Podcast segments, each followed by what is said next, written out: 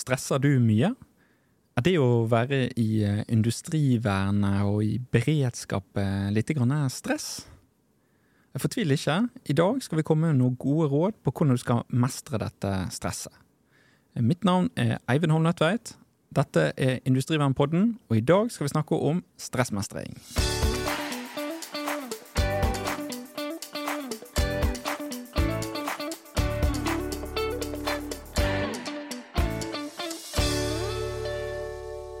I dagens episode skal vi snakke om eh, stressmestring, og dette er jo et veldig spennende tema for de som er i eh, industrivernet. Og For å snakke om dette har vi i dag fått selskap av Guri Cecilie Bollingmo, eh, psykolog og doktorpsykolog, som vil dele sin ekspertise på dette med stressmestring. Velkommen, Guri. Tusen takk, veldig hyggelig å bli invitert hit. Bare hyggelig. Uh, Guri, stresser du mye? Ja, jeg er vel som uh mennesker flest, da. At jeg har jo perioder og situasjoner hvor jeg også kan eh, stresse. Men eh, jeg prøver jo å hva skal jeg si, Når jeg da får eh, belastninger som overgår det jeg har kapasitet til, og regulere ting og gjenhente kontrollen og balansen og mestringen. Så man har jo lært seg noen teknikker etter hvert. Ja, livet er jo litt stress til tider, så det, sånn, det kan fort bli litt ja, litt mye av og til, og litt mindre til tider òg, da. Absolutt. Eh, og vi snakker om livsbelastninger gjerne i psykologien. Og de er jo større og mindre, eh, de livsbelastningene vi får. Så, og så er det jo ulikt også hva slags eh, form man er i, og hvordan man tåler de livsbelastningene. Ja. Mm. Ja, jeg har merket det på noen sånne perioder så har jeg stresset veldig mye. og Spesielt sånn hvis det er mye skole eller lignende. da. Mm. Eh, mye som er på agenda. Da blir jeg skikkelig stresset. Mm. Eh, hvis det kommer ekstra på, da. Ja. Så ja. Men dette her med stress, mm. hva, hva, er egentlig stress? Ja, hva er stress? Det er jo en si, form for aktivering. Mm. Noe aktivering må vi ha. Så det er ikke alt, all aktivering som er negativ. Men vi snakker gjerne om stress når eh, denne aktiveringen blir så høy at vi mister mestring og kontroll. Mm. Eh, og da er det det negative stresset. Ja. Eh, sånn at når Eh, de stressordene eller de livsbelastningene, de situasjonene vi er i, overgår de ressursene vi har. Enten om det at vi kan hente inn eksterne ressurser som kan hjelpe oss, eller det vi har i oss selv. Når vi ikke har tilgang på de ressursene på samme måte, så, så blir det et negativt stress. da. Mm. Som, eh, som, vi kaller det negative psykologiske stresset, som kan påvirke oss både i en akutt situasjon, men også over tid. Og så er det dette her med med stresset, da, som kan på en måte påvirke negativt. da, altså mm. Som innsatspersonell, eh, f.eks. i et industrivern eller i beredskap mm. altså hvordan, De kan jo bli satt til å gjøre veldig spesielle ting, eller redde mennesker, eller hjelpe en kollega som har eh, fått seg et skikkelig eh, uhell. Altså, hvordan vil de oppleve stress på kroppen når, når alarmen går? Ja, det vil jo for det første være litt ulikt. Mm. kan være hvordan folk opplever eh, en og samme situasjon. Eh, noen takler det ganske greit, og noen blir ganske satt ut av det. Og det kan være andre, andre reaksjoner i tillegg til det. Men generelt så sier vi jo det at vi gjerne har både fysiologiske, mentale og emosjonelle reaksjoner i en stressituasjon. Men hvilke av de reaksjonene vi får, det kan være veldig ulikt. Og det, det er klart, hvis du skal hjelpe en du kjenner godt, så vil du sannsynligvis reagere annerledes enn hvis du skal hjelpe noen du ikke kjenner.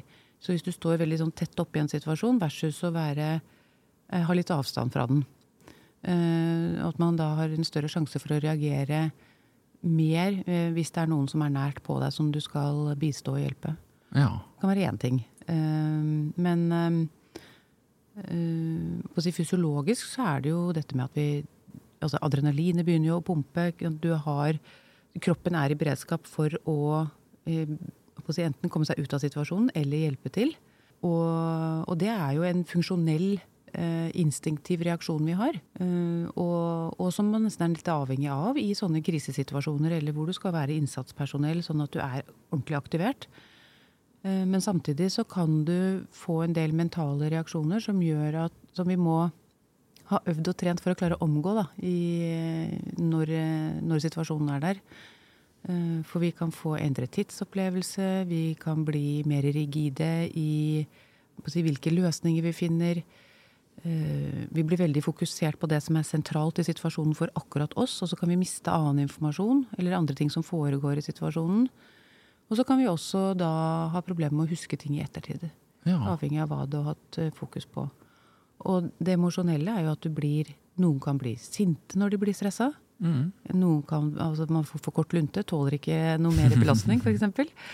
Um, noen blir, eh, kan bli triste, gråte. Andre blir helt stille. Uh, noen kan bli flåsete. Så det er veldig forskjellig hvordan vi emosjonelt reagerer da, Mm. i en og samme situasjon. Mm. Ja. Det er jo litt spennende å se hvordan folk reagerer. Jeg merker Ja. jo, eh, Etter min tid i brannvesenet så har jo jeg sett folk med både med kort lunte og Ja. er veldig stille. Og det, det er veldig ulikt, egentlig. Og når du sier dette med at eh, man blir veldig spisset, eller veldig sånn Får kanskje litt sånn tunnelsyn, det, det syns jeg er litt interessant. Mm. Klarer man å heve blikket, eh, eller ikke? sant? Plutselig så blir man veldig fokusert på å, på å kun fikse den tingen uten å se alt det andre. Det er helt riktig. Eh, og, og det er jo fordi at man fokuserer, og da er det på en måte den informasjonen man klarer å ta inn. Så det er der oppmerksomheten er rettet. Um, men um, og, det, og det gjør jo også noe med hva, hva du klarer å få inn av andre eh, av annen informasjon. Um, den sansen som vi på en måte såkalt mister først når vi er stresset, det er jo hørselen. Ja. Ja, sånn at det å gi hverandre muntlige beskjeder kan være veldig vanskelig. Mm. Uh, og det er jo ofte altså Jeg vil jo tro disse som da er uh, i førstelinje, må ofte ta imot muntlige beskjeder uh, og gi muntlige beskjeder. Og da bruker man jo ofte dette vi kaller closed loop communication.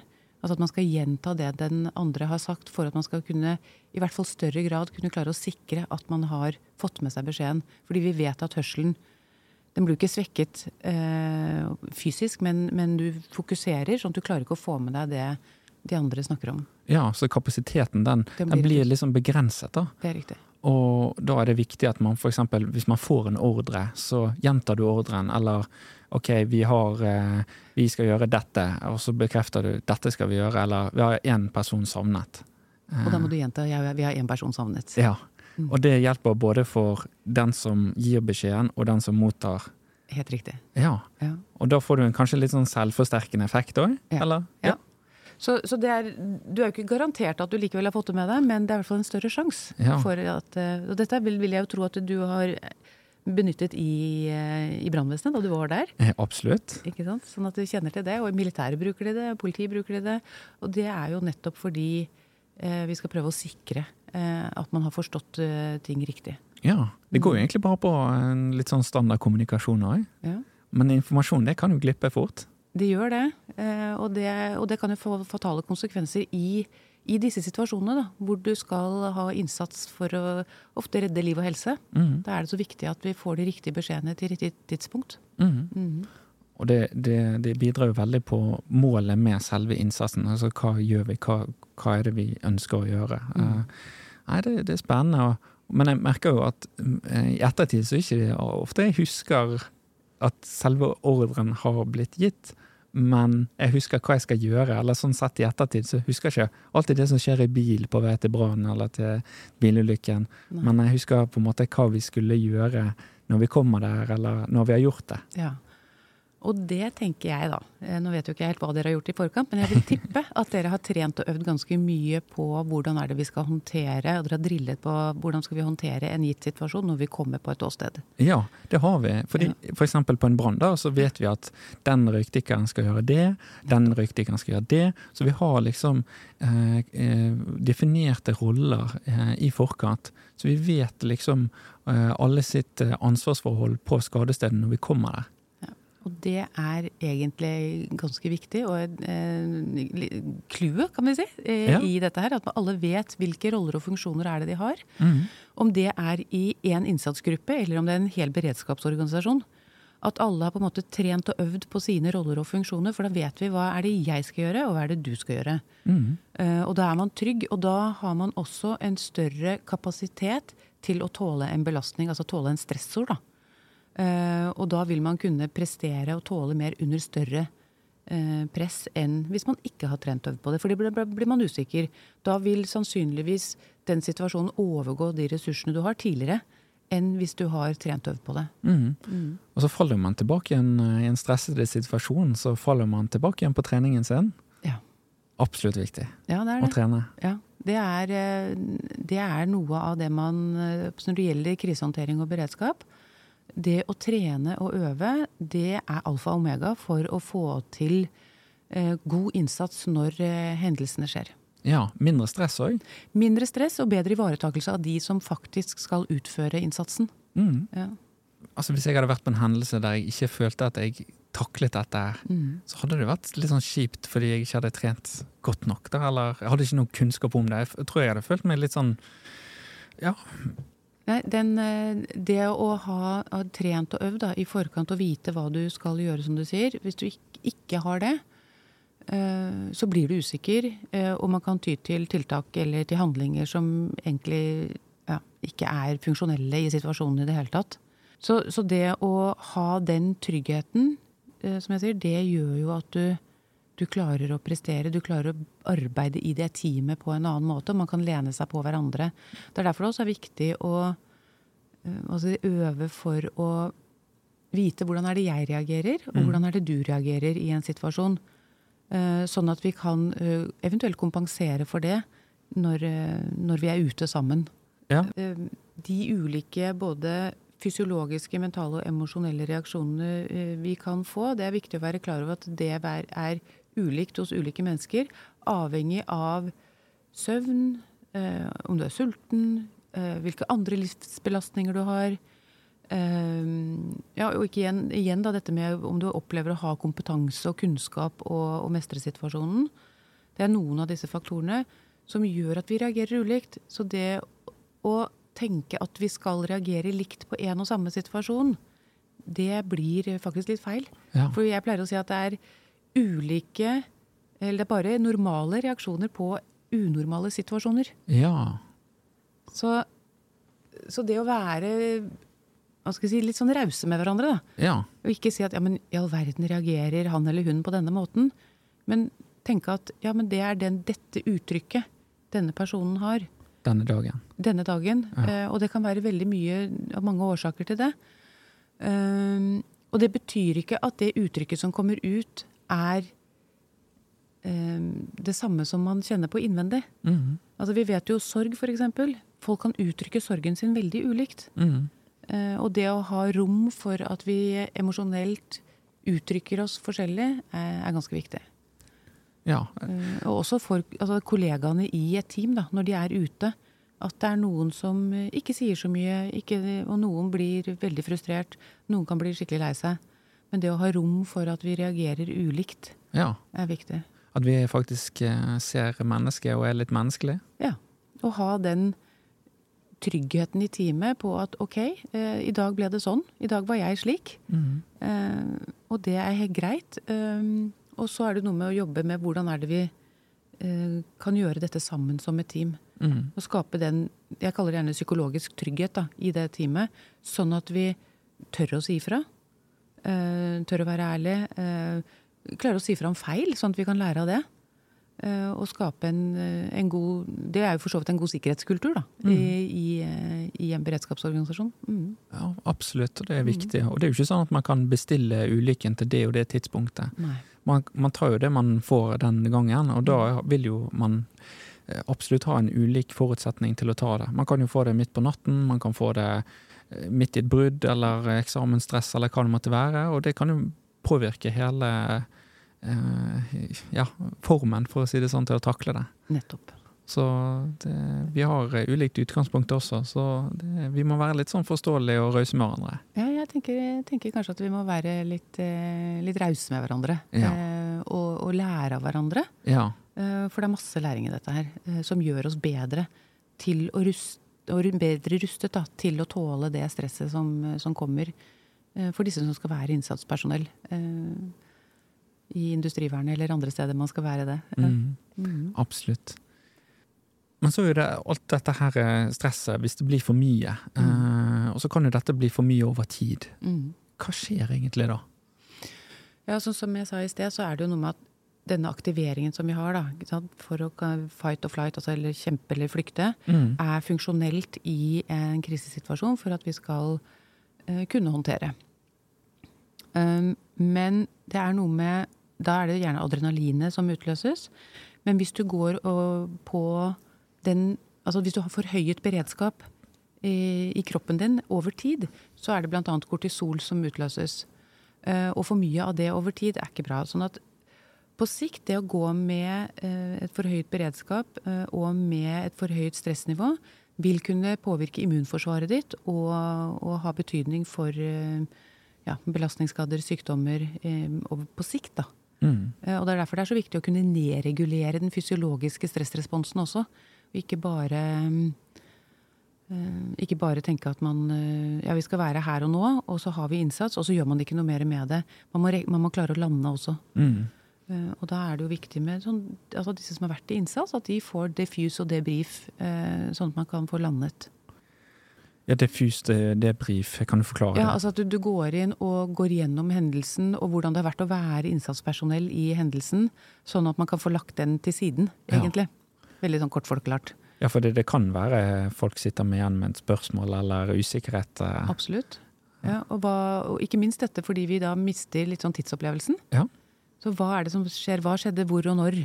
Eh, hvordan var det vi egentlig håndterte det ene og det andre tilfellet? ikke sant?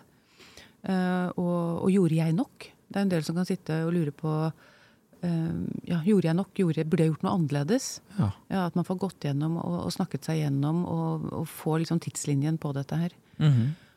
Og i beredskapsarbeid generelt så er det jo da også viktig at man bruker logg, og at disse teamene som sitter også på andre og tredje linje, bruker logg og tavler, sånn at man har eh, muligheten til å kunne gå inn og se i ettertid.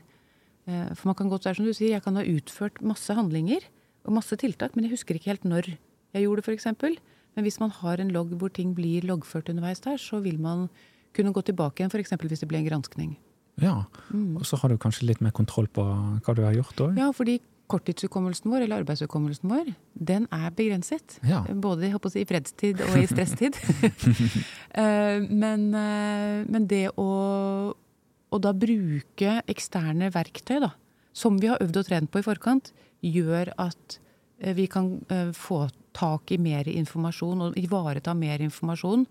Og ikke minst sikre at vi har et likt situasjonsbilde, litt sånn uavhengig av kanskje hvor i organisasjonen man sitter og håndterer. For det vil være én ting for de som er ute i første linje, enn de som er på andre linje og skal bidra med ressurser, eller de som sitter på det strategiske nivået. Mm. Mm.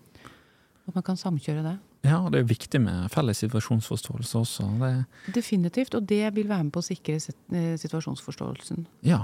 Men du, dette her med debrief og eh, defuse Mhm. etter en hendelse, altså hvorfor er det så viktig å snakke ut etter en hendelse?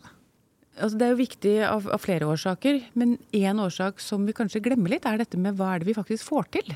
Hva er det vi gjorde bra? Eh, Og det å kunne eh, gi hverandre feedback på det, sånn at man går ut av situasjonen også med en mestringsopplevelse eh, i ettertid. Eh, og, og det å kunne ha et innhold på den feedbacken er da kjempeviktig. Ikke bare si 'det var bra jobba', eh, vi gjorde, gjorde den og den innsatsen, og det var fint. Men faktisk fortelle helt konkret hva var det som var bra med det. Mm. Eh, det er viktig. Ja. Og, og så er det jo viktig hvis man har da hva skal vi si, noen tanker eller følelser knyttet til dette her, da. På hva som ikke kanskje har fungert. Og hva er det vi kan lære av det, hvordan kan vi lære av det til neste gang. For det er jo det som er, er poenget. Det er jo ikke å verken henge ut noen eller å, å gjøre det vanskeligere, men det er noe med å hvordan kan vi gjøre det enda bedre neste gang, sånn at alle er trygge og får til eh, sine oppgaver på en god måte? Ja, det er absolutt viktig med debrief. Og jeg ser jo at hvis man åpner seg opp om hva man gjorde feil, eller hva man gjorde bra, så kan man ta steg sammen. Og jeg merker jo selv, jeg har jo sagt at ja, eh, dette gjorde jeg feil. Eller dette følte jeg ikke at jeg gjorde så bra.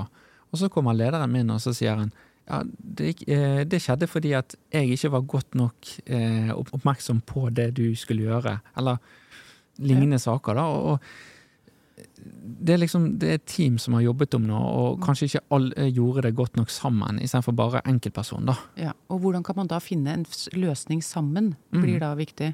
Og det samme når man skal ha eh, feedback på ting som kan være bedre, så må man også ha en retning i det. Så vi må vite innholdet der også. Ja. Ikke bare si at ja, men dette var ikke bra nok gjort, men hvordan er det man ønsker at det skulle være? Sånn at man vet hvilken retning, og hva er det jeg eventuelt skal gjøre til neste gang. Eller at vi som team skal gjøre neste gang, eh, for å få det til. ja, konstruktiv eh, kritikk, da, rett og slett. Eller Ja. i hvert fall en feedback som du kan faktisk jobbe med.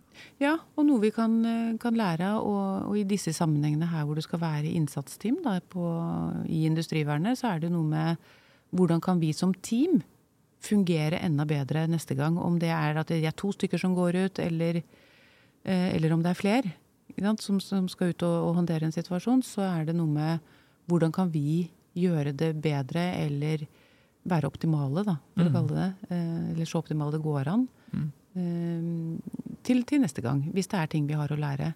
Uten at vi skal ta noen. Mm. Eh, For det er det som er det viktige, at vi må, vi må vite at vi kan gjøre feil. Og vi, det hender at vi gjør feil alle sammen, men vi kan også lære av det. Ja, det er en sånn del av den kontinuerlige forbedringen man ønsker å oppnå. Ja. Og at det da er en forutsigbarhet til at man vet at det er trygt å si ifra. Mm. Det tenker jeg er kjempeviktig. Ja, det Ja. må være rett og slett en god sikkerhetskultur. Da, som at, eh, at det er på en måte både åpning for at man kan gi beskjed om feil og mangler og eventuelle avvik, da. Ja. Og, men også at, eh, at det blir lyttet til, da. eh, Og at ting blir på en måte implementert etter at det er blitt gitt beskjed, og at de får tilbakemelding av 'vi har hørt deg'. Mm. Ja, og At det ikke bare forsvinner ut i det store, tomme rommet, og at det ikke skjer noe mer. Ja. Ja. nei, Det er absolutt viktig, det du sier der. Mm. Mm. Uh, men alt dette med stress, det høres jo veldig stressende ut, egentlig. Hvordan skal vi egentlig takle det, alt dette stresset? Det, det virker jo Alt fra dette hverdagsstresset til katastrofe. Det er liksom Det er to ytterpunkter, eh, og med en gang det har skjedd noe, så Ja, vi har jo vært inne på dette med trening og øving, men har du noen gode råd? Ja, det er jo et av veldig gode rådene, da. Ja. Det er jo, det er jo å, å, å trene og øve. eh, og ha gode planverk, ikke minst. Altså, og rollebeskrivelser, funksjonsbeskrivelser. Sånn at hvis, og gjerne det å ha flere som kan ha samme rolle. Sånn at hvis jeg eh, ikke kan ta den funksjonen en dag, så er det en annen som kan steppe inn og gjøre det. Og at det er gode beskrivelser, at jeg vet. Fordi når vi da kommer i en situasjon, og hvis du får eh, Det blir bråstopp for deg, da. Og så har du en god funksjonsbeskrivelse, så kan du gå inn og så se på den lappen eller det arket eller hva den er. Hva var det jeg egentlig skulle gjøre i denne situasjonen? Å Ja. ja, det er sånn og sånn og sånn og slik. Ja, det er Ja. tiltakskort? Ja, tiltakskort, rett og slett. Ja, sånne små beskrivelser av hva Ja, stikkord på hva ja. det jeg skal gjøre. Sånn at du får de knaggene du trenger i situasjonen, fordi ellers så kan det bli kaotisk. Ja, for det, det er liksom plutselig så står det en der og holder på å dø, og så bare ah, hva skal jeg gjøre? Ja. Så det å, det å ha, når man går inn i en sånn situasjon, og kanskje har gått gjennom det hvis du er på vei til Du sier du er på vei i bilen, da. Ja, Gå gjennom hva er mitt tiltakskort. Ja, det var sånn og slik. Og det var de punktene der jeg skulle gjøre, ja. ja. Stemmer. Uh, og da er det lettere å gjennomføre.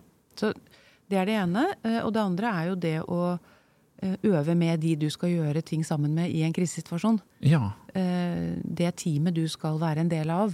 Sånn at man kjenner hverandre, og at man vet hva er det jeg skal gjøre, og hva er det de andre skal gjøre. Mm. Uh, og øve seg på de metodene, sånn at man sikrer som vi sier, den situasjonsforståelsen. Uh, og sikrer at man håndterer ting på en god måte. Og det er litt sånn for å unngå de hva skal jeg si, mentale mekanismene som faktisk skjer. Vi er mennesker med av kjøtt og blod, og de, de kommer. Mm. Men det er for å prøve å gå rundt de mekanismene, da. Mm. Uh, man gjør det. Men så er det jo noe men så enkelt. Vi har et verktøy som vi har med oss hele tiden. 24-7. Og det er pusten vår. Ja, pusten. Ja, så den kan vi bruke i hverdagen, den kan vi bruke i krisen, den kan vi, men vi glemmer den. Ja, Så du sier det er lurt å puste? Er veldig lurt å puste. Veldig dumt hvis vi ikke puster. Ja. Men, eh, men den kan vi bruke veldig aktivt. Ja. Fordi når vi blir stresset, så vi snakker om dette med å puste ned i magen, og det er i en del tilfeller lettere sagt enn gjort. Eh, Og særlig når vi blir stresset. Ja. Sånn at Når folk begynner å hyperventilere, så drar det ikke luften helt ned i lungene. Den blir liksom oppi brystkassen. Eh, og da endrer stemmen seg. Så hvis man hører Altså man kan faktisk høre på noen som da ikke puster skikkelig, så blir, blir tonefallet uh, lysere ofte enn enn ellers. Mm. Så det å kunne opp og ta en liksom timeout med å puste, og det trenger ikke å ta, så lang tid, Mm. det er det som er det interessante. Det å kanskje be om en timeout hvis det er rom for det, Ja, hvis. Ja. ja? Det er jo ikke alltid det er det. Mm. Men den der å å bare trekke inn rolig på fire, Mm. holde på fire og puste ut på seks. Altså telle til én, to, tre, fire. eh, inn og telle til fire når du holder. Og så puste ut igjen på seks. Gjøre det et par-tre ganger. Så vil du liksom få sirkulasjonen og pusten ned i magen igjen. ja.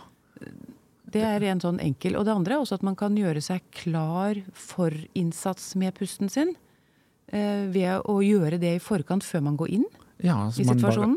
At man på en måte eksempel sitter i bil til eh, brannstedet, og så sitter man og tar seg en god, eh, et godt eh, magedrag, da, for å si det sånn. Ja, ikke sant? For det å tenke seg rolig, Ja. det er det vi holder på med hele tiden. Ja, nå skal jeg være rolig. Ja, nå må jeg være skikkelig rolig. Ja. Og så klarer du ikke det. Eh, Så vi må puste oss rolig. ja. Ja, og det klarer du da ved å gjøre disse tingene. Så ta en sånn liten runde med eh, å puste inn på fire, holde på fire, puste ut på seks. Eh, Man kan også finne andre jeg si, tall. Noen gjør det lenger, noen gjør det litt kortere. Men det å puste ut på en lengre eh, sekvens enn du puster inn og holder, det er egentlig poenget. ja. Eh, og det å gjøre det eh, før du går inn, så vil du være roligere. Ja. Mm. det tror jeg kan eh, Jeg tror det er mange som eh, har godt av å puste litt Mm. eh, med, eh, i forkant av en hendelse. Ja, og for de som sitter, som ikke er kanskje ute på, på et åsted, men som sitter inne på en andre linje f.eks., Mm. så kan det jo også være det hvis du mister litt sånn Oversikt, ja, eller oversikt og kontroll. følelsen av deg selv, så er det noe med det. Så kan man stille seg inntil en vegg. liksom Kjenne hvor er beina, hvor er hendene. altså Kjenne at man er til stede i rommet. Eh, Det kan også være en sånn teknikk for å lande litt grann i rommet, i stedet for at alt foregår oppi hodet. Mm. Mm. Men å jorde seg litt, som det heter. Ja, ja, ja. Lande litt på bakken og kjenne Ja. at du er i kontakt. Ja, Være i kontakt med der du er. Ja. Ja. Så puste og være litt sånn, få litt sånn bakkekontakt. Fordi ja. når krisen står eh, som verst, så, eh, så Mm. kan du miste litt kontroll, og det, det, det er vanskelig å stå i. Ja. Og det er jo helt normalt. Absolutt. Eh, og og vi skal jo ha den aktiveringen. Mm. Eh, men det å ha såpass med aktivering at vi klarer å mestre, det er jo det som er clouet her. Mm. Eh, og det er derfor, hvis vi øver på det, og så ser vi kanskje at oi, denne gangen fikk jeg det ikke helt til, men da må jeg gjøre den og den tvisten på det, så kan man få det til neste gang. Og da har du plutselig kontroll over situasjonen. Mm. Og da vil du tåle det hvis du kommer i tilsvarende situasjon eh, i en skarp hendelse. Mm. Mm. Men det er litt sånn vanskelig å gjøre dette i selve aksjonen, men sånn rett før er jo et bra tidspunkt å gjøre dette. Rett før du skal ja. må tenke, liksom. Mm. Men hvis du merker at du mister deg selv Ja. også underveis, da, Ja. så, så kan du gjøre disse tingene. Eh, Du må ikke ut av situasjonen for å puste rolig. Nei. du må bare huske på å gjøre det.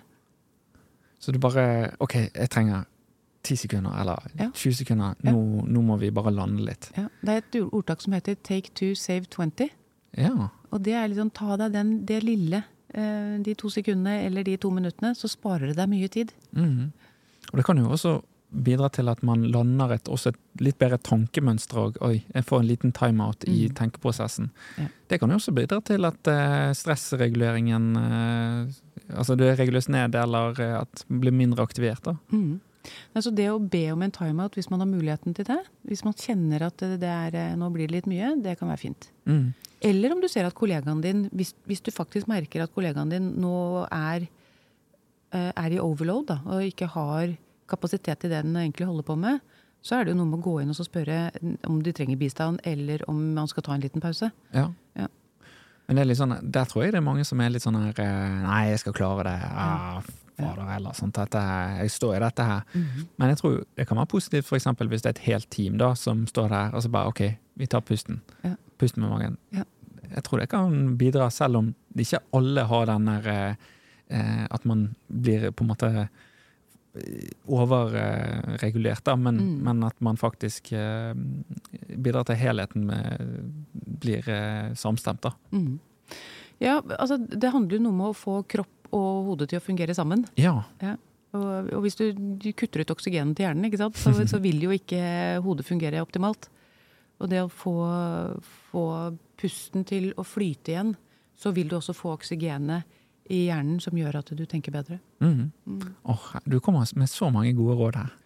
Men du Guri, før vi eh, avslutter, har du tre punkter eh, lytteren eh, kan ta med seg hjem fra denne episoden? Ja, For det første så er det jo det at uh, belastninger og aktivering det skjer jo hele tiden. Uh, hver dag med oss alle sammen. Men det å ha uh, kapasitet til å tåle det, sånn at det ikke overstiger de ressursene vi har, da. Det er jo noe at dette stresset blir negativt, men at vi klarer å håndtere. Det tenker jeg er det sentrale for disse som skal være innsatspersonell. Um, og så er det jo å huske at du har med deg det viktigste verktøyet ditt. Alltid. Og det er pusten din. Gå tilbake igjen til pusten hele tiden når man blir eh, stresset, og prøve å roe seg ned med eh, Trekke inn på fire, holde på fire, puste ut på seks, som ett eksempel. Eh, kan være fint å ha med seg, og, og, ikke glemme det. Man må ikke gå på yoga eller meditasjon for å få det til. Det kan være helt enkle ting som tar noen sekunder. Uh, og så er det det når du skal være sånn innsatspersonell, så er det det å trene og øve sammen. Uh, og starte i det små. Starte med diskusjonsøvelser, sånn at man ikke uh, starter med de store øvelsene og blir engstelig.